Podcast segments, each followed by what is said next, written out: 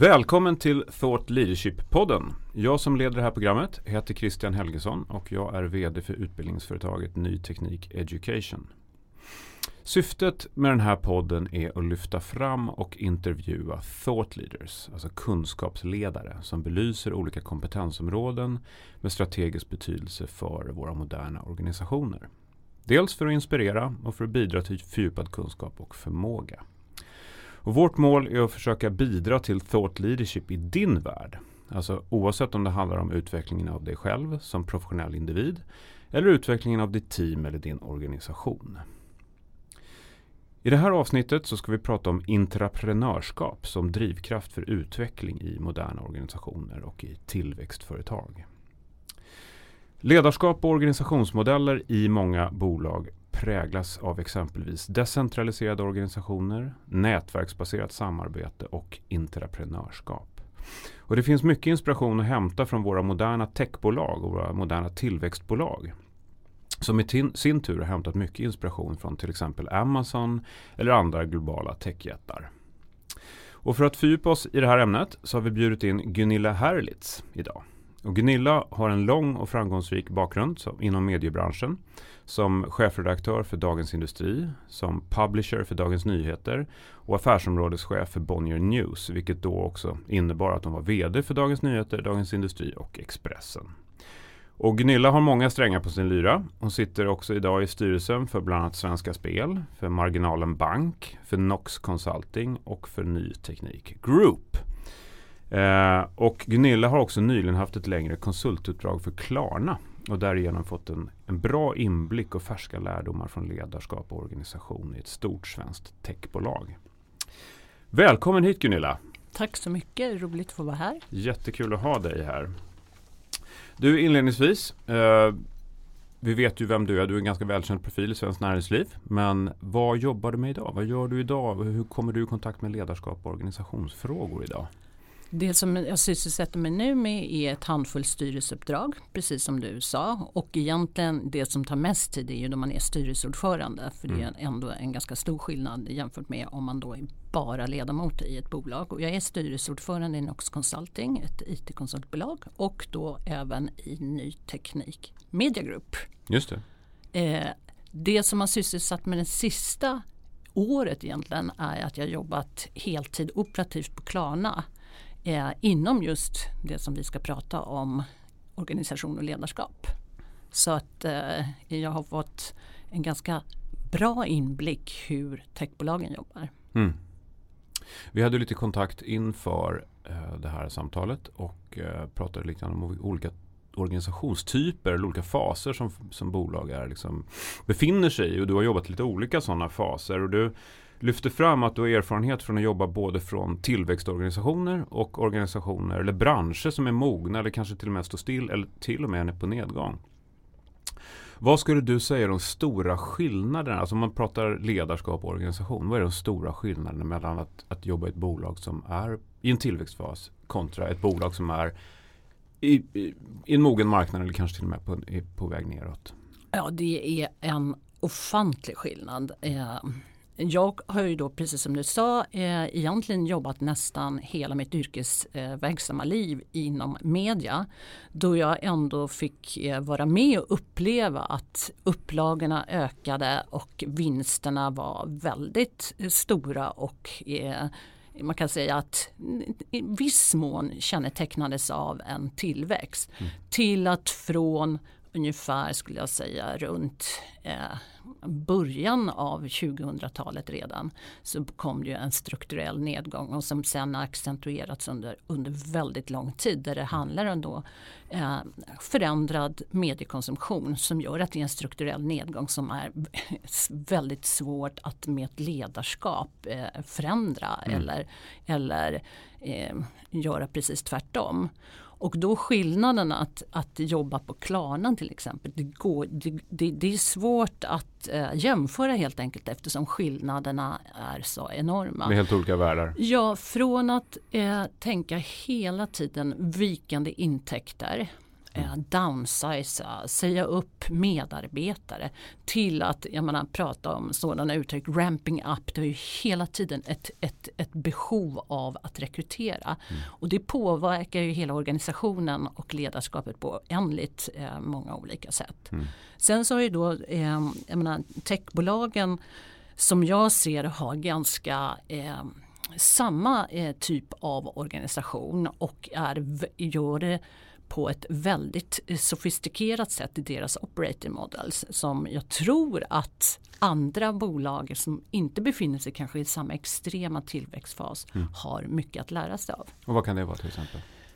Om man ska eh, generalisera så eh, i de organisationer som jag har jobbat tidigare och som ändå är fortfarande kanske det mest vanliga så är det en slags top-down eh, modell helt enkelt. Det är så befälsordningen ser ut. Mm. Och det gör det inte på techbolagen.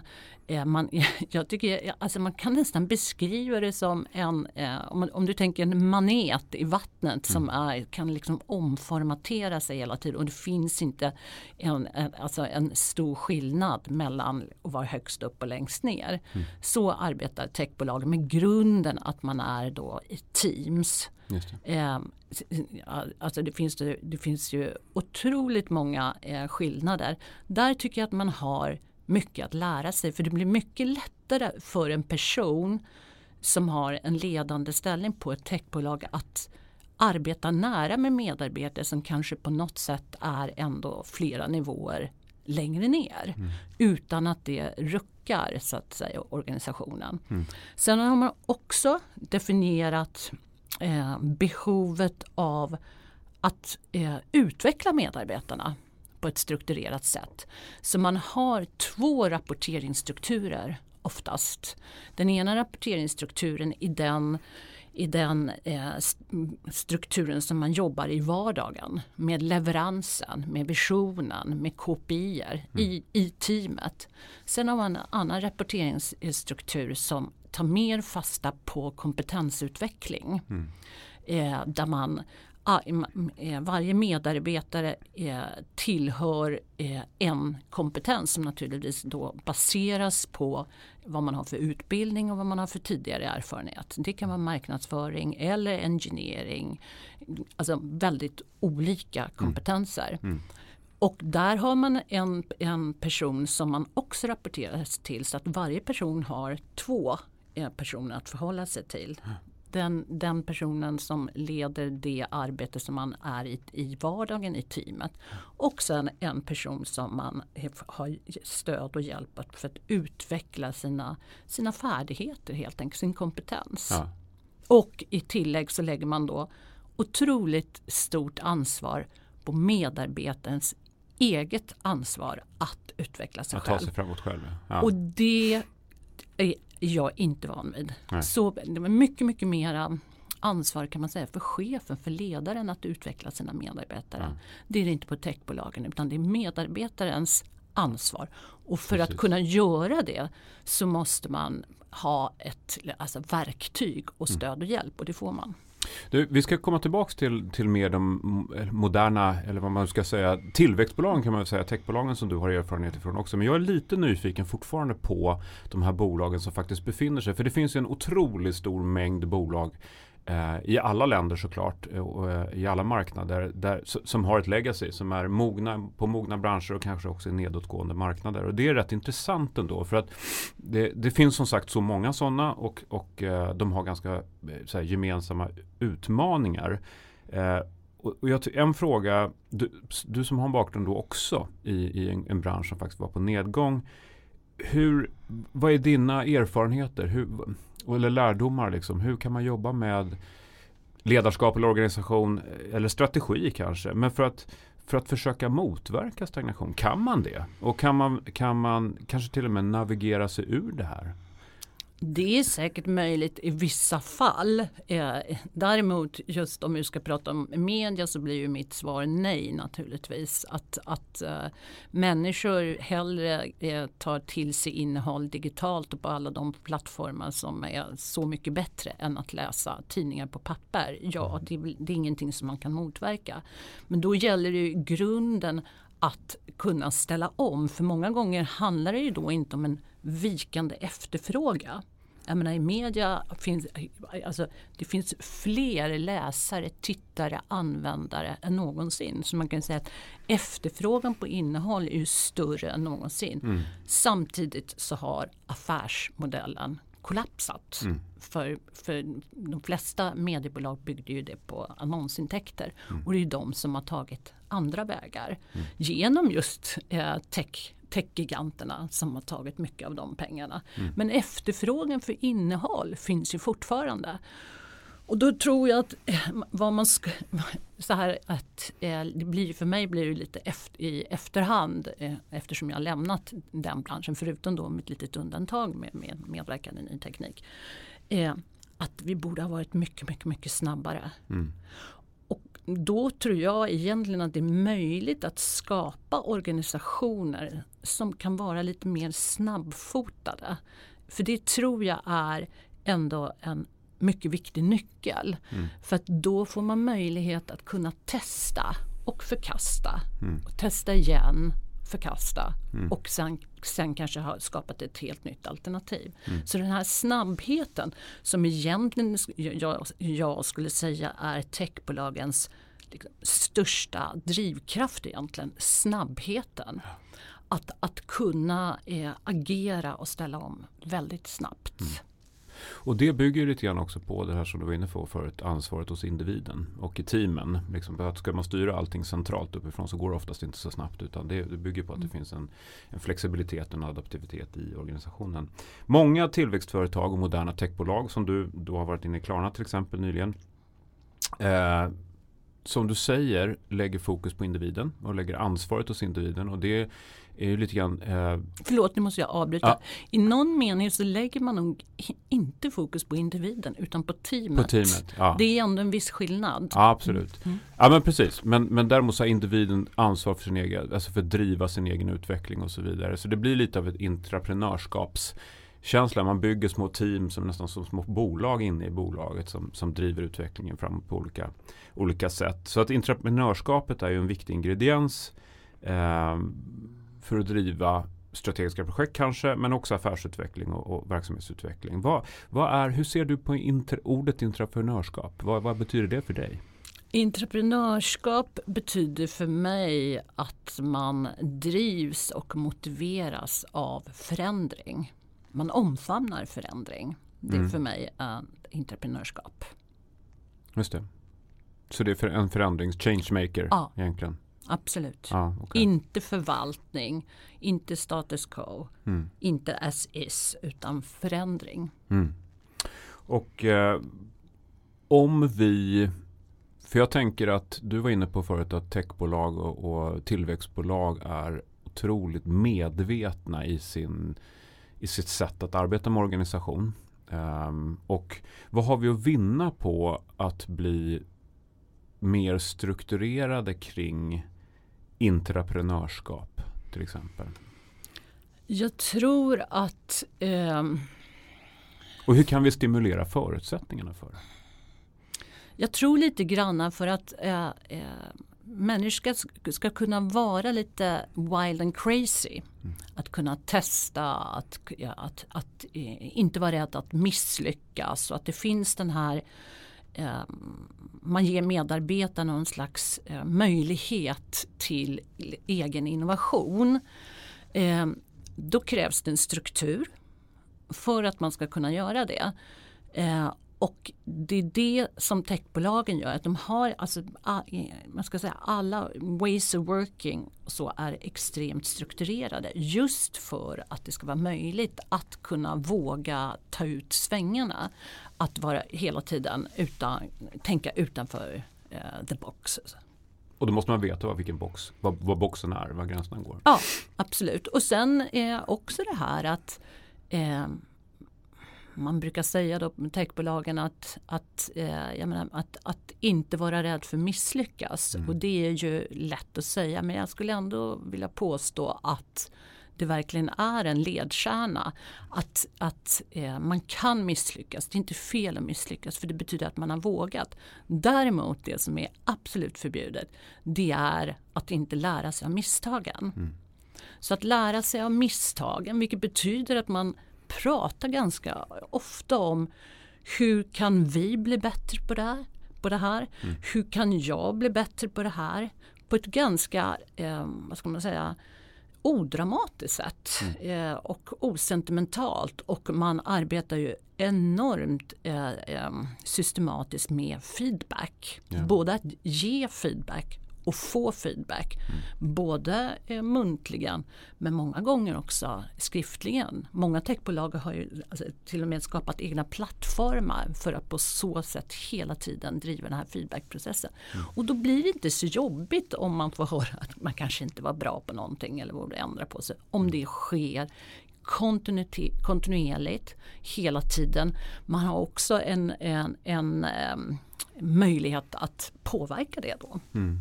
Vi har pratat tidigare om, om dina erfarenheter härifrån du och jag. Eh, och ehm, jag tolkade det lite grann som då att, att de här teamen som driver de olika utvecklingsprojekten. Det är nästan så att de går till, som, som till en investerare och, och, pitchar sina idéer. Så här tänkte vi göra, det här är vår vision, det här är vår väg framåt. Och så, så får de liksom, får eller får inte buy-in. Eh, från, mm. Berätta lite grann, hur funkar ja, det? Är att man, att, det är precis så det är. Att teamen är som eh, egna startups. Där eh, teammedlemmarna är att betrakta som egentligen grundare, medgrundare till det här lilla bolaget. Och den eh, högsta ledningen som då ändå är de som fördelar resurserna mm. är att betrakta som investerare. Vilket betyder att varje team måste ständigt eh, pitcha för eh, nya projekt eh, som, som kommer kräva mer resurser. Mm. Eh, och det, det, det, det, är ett ganska bra eh, sätt att arbeta eh, upplever jag. För du ger ju de här teamen ett väldigt, väldigt stort ma eh, mandat. Mm. Man har totalt liksom, to totalt ansvariga för att hitta en lösning på ett problem. Mm. Att, att eh, eh, bestämma själva. Det är ingen som säger hur man ska göra utan det är upp, det är upp till teamet helt enkelt. Mm. Och sen att eh, då äska mer resurser om så behövs. Att det, det räcker inte med ett team, vi måste vara två eller tre team. Vi behöver fokusera på någonting helt nytt. Jag blir nyfiken på när du säger, för du sa förut att man är i de, i de moderna techbolagen då, tillväxtbolagen att man är liksom mån att lägga ansvaret för den personliga utvecklingen på individen själv. Och det känner jag själv igen från konsultingbranschen där jag har ägnat ganska många år. Det var precis så. Eh, jag men, tror att man kan göra en jämförelse där. Ja, mm. och, och, ehm, men, men det är lite annorlunda som du också var inne på i gamla legacybolag. Alltså som, som har en, eh, kanske en äldre struktur och verkar i mogna branscher och så vidare. Hur, skulle man, hur kan man vända på steken i mogna bolag, äldre bolag? Men det, men, Går det att göra det? För, jag tänker på att få den här personliga utvecklingen. Ja det tror jag verkligen. Så där, just, just är, där tror jag verkligen man kan både lära sig och också implementera ett annat sätt att se på det. Att tänka att det ska vara chefens ansvar att utveckla medarbetarna. Det blir ju frånta de individuella medarbetarna eget ansvar för sin egen utveckling. Så det är feltänkt på något sätt. Mm. Givetvis ska ledare inspirera. Mm. Men det är ju något annat tycker jag. Att, men att däremot lägga och ge verktyg till medarbetarna så att det är möjligt att, att, att utveckla mig själv. Mm. Ja, annars, annars blir det svårt. Mm. Men, men, men det ser jag som eh, definitivt eh, möjligt mm. att göra för bolag som inte då är verksamma inom de här enorma tillväxtsektorerna. För det är, det är ju lite speciellt då det hela tiden eh, efterfrågan ökar. Mm. Man rekryterar, jag menar Klarna bara rekryterade förra året tror jag 1700 medarbetare. Mm. Alltså det, det, ju, det, blir ju annorlunda allting. Mm. Ja, helt olika förutsättningar såklart. Vad ser du om man tittar på ledarskap allmänt ute i näringslivet idag? Vad ser du för utmaningar? Det beror ju på eh, på vilket sätt man ser det. Men det är väl fortfarande egentligen samma utmaningar. att, eh, för ledare att inspirera, att eh, vara med och stötta medarbetare till att bli sin bästa version, ett något slitigt uttryck men ändå sant. Mm. Eh, och också vara eh, lägga eh, mycket fokus på att eh, rekrytera rätt personer för organisationen. För ibland, ibland handlar det kanske inte om organisationen eller den enskilda medarbetaren men det blir i alla fall inte en jättebra eh, match. Mm. De, så det tror jag man kan bli duktigare på. Okej, okay. och sen kan jag tänka mig de här moderna techbolagen att, att rekrytering i sig är svårt att hitta folk. Ja, eftersom efterfrågan är omättlig eh, och då det gäller programmerare, systemutvecklare, alltså, då, då, söker man ju globalt.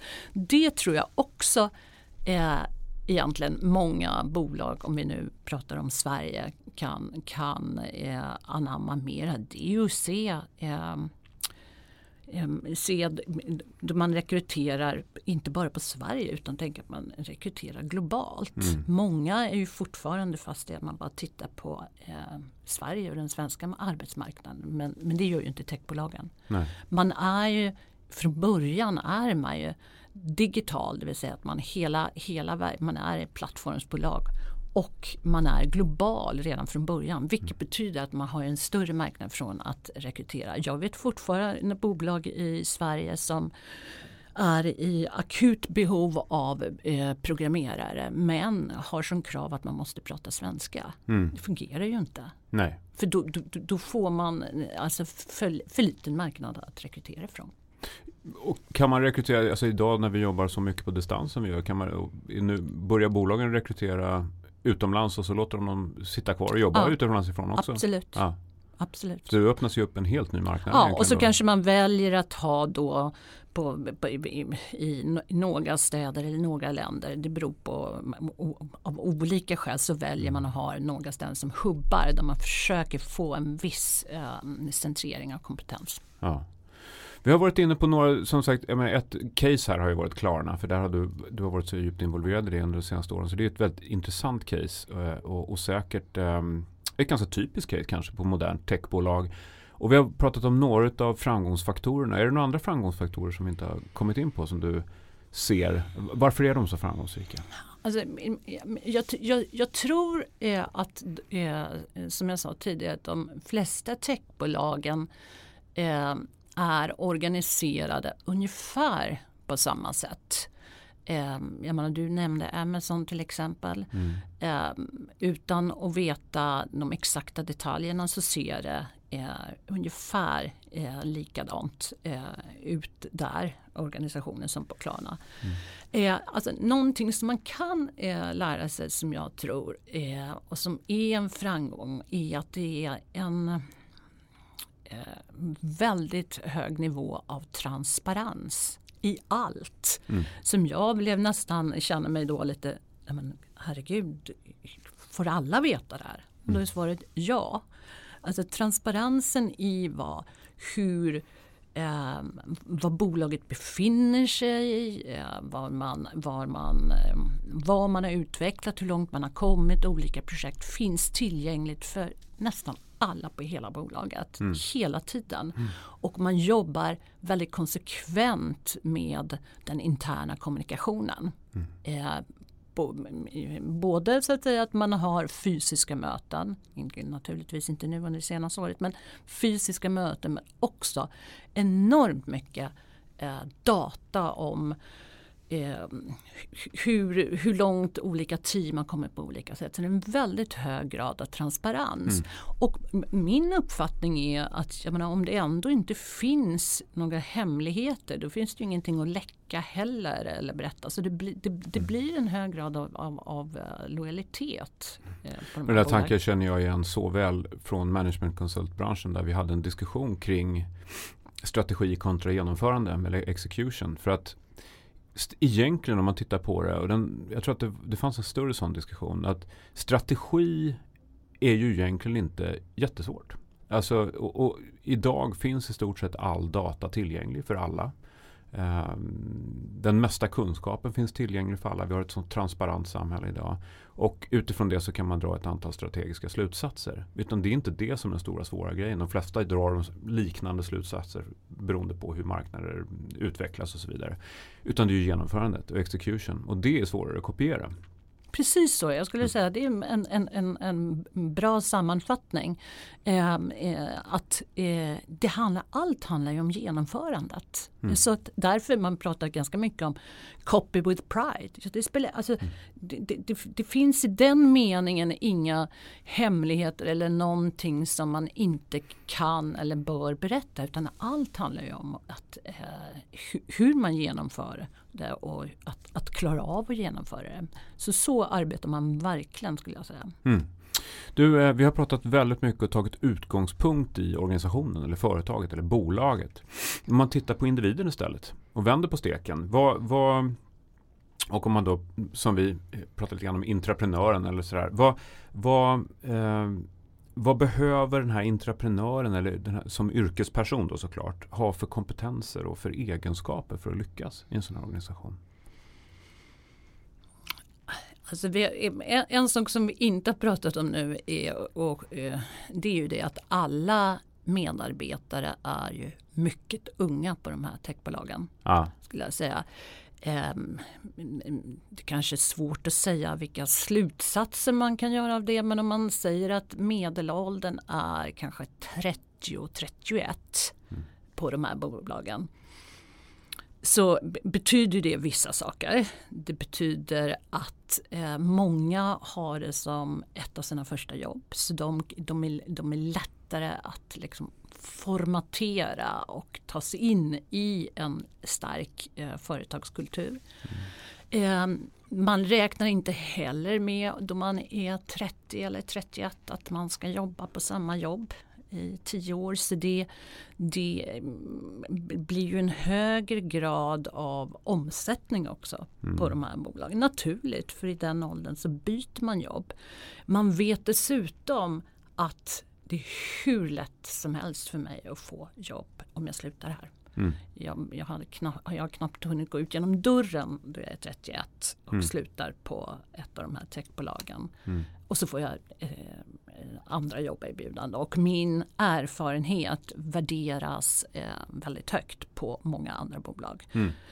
Eh, det är klart att det eh, spelar ju en roll för medarbetarens alltså individuella förmåga att utvecklas. Ja. Än, än, om man kanske är väsentligen mycket äldre. Mm. Det är, vet vi, inte alls lika lätt att kanske få ett nytt jobb om du är 50 plus. Mm.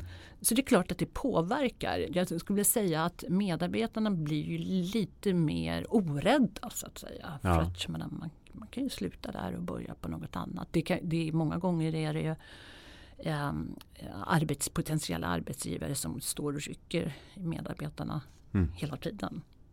Men om man, om man, eh, jag tänker om man tittar på egenskaper hos de här personerna som driver de här i och med att driva de här teamen internt i techbolag till exempel. Man, man skulle kunna jämföra med att, att det sitter, sitter ambitiösa entreprenörer eller Eh, personer i större legacybolag. Det kan vara stora industribolag eller vad det kan vara som inte är moderna techbolag. Men så här, vad är det för egenskaper man kan, eller så här, ja vad är det för egenskaper man behöver för att för att bli en framgångsrik entreprenör. För det kan man ju tänka sig att man även kan jobba med mm. för att man sitter i ett legacybolag. Eh, men vad är, vad är det du tar Lite, fasta på? Är det drivkraft? Och?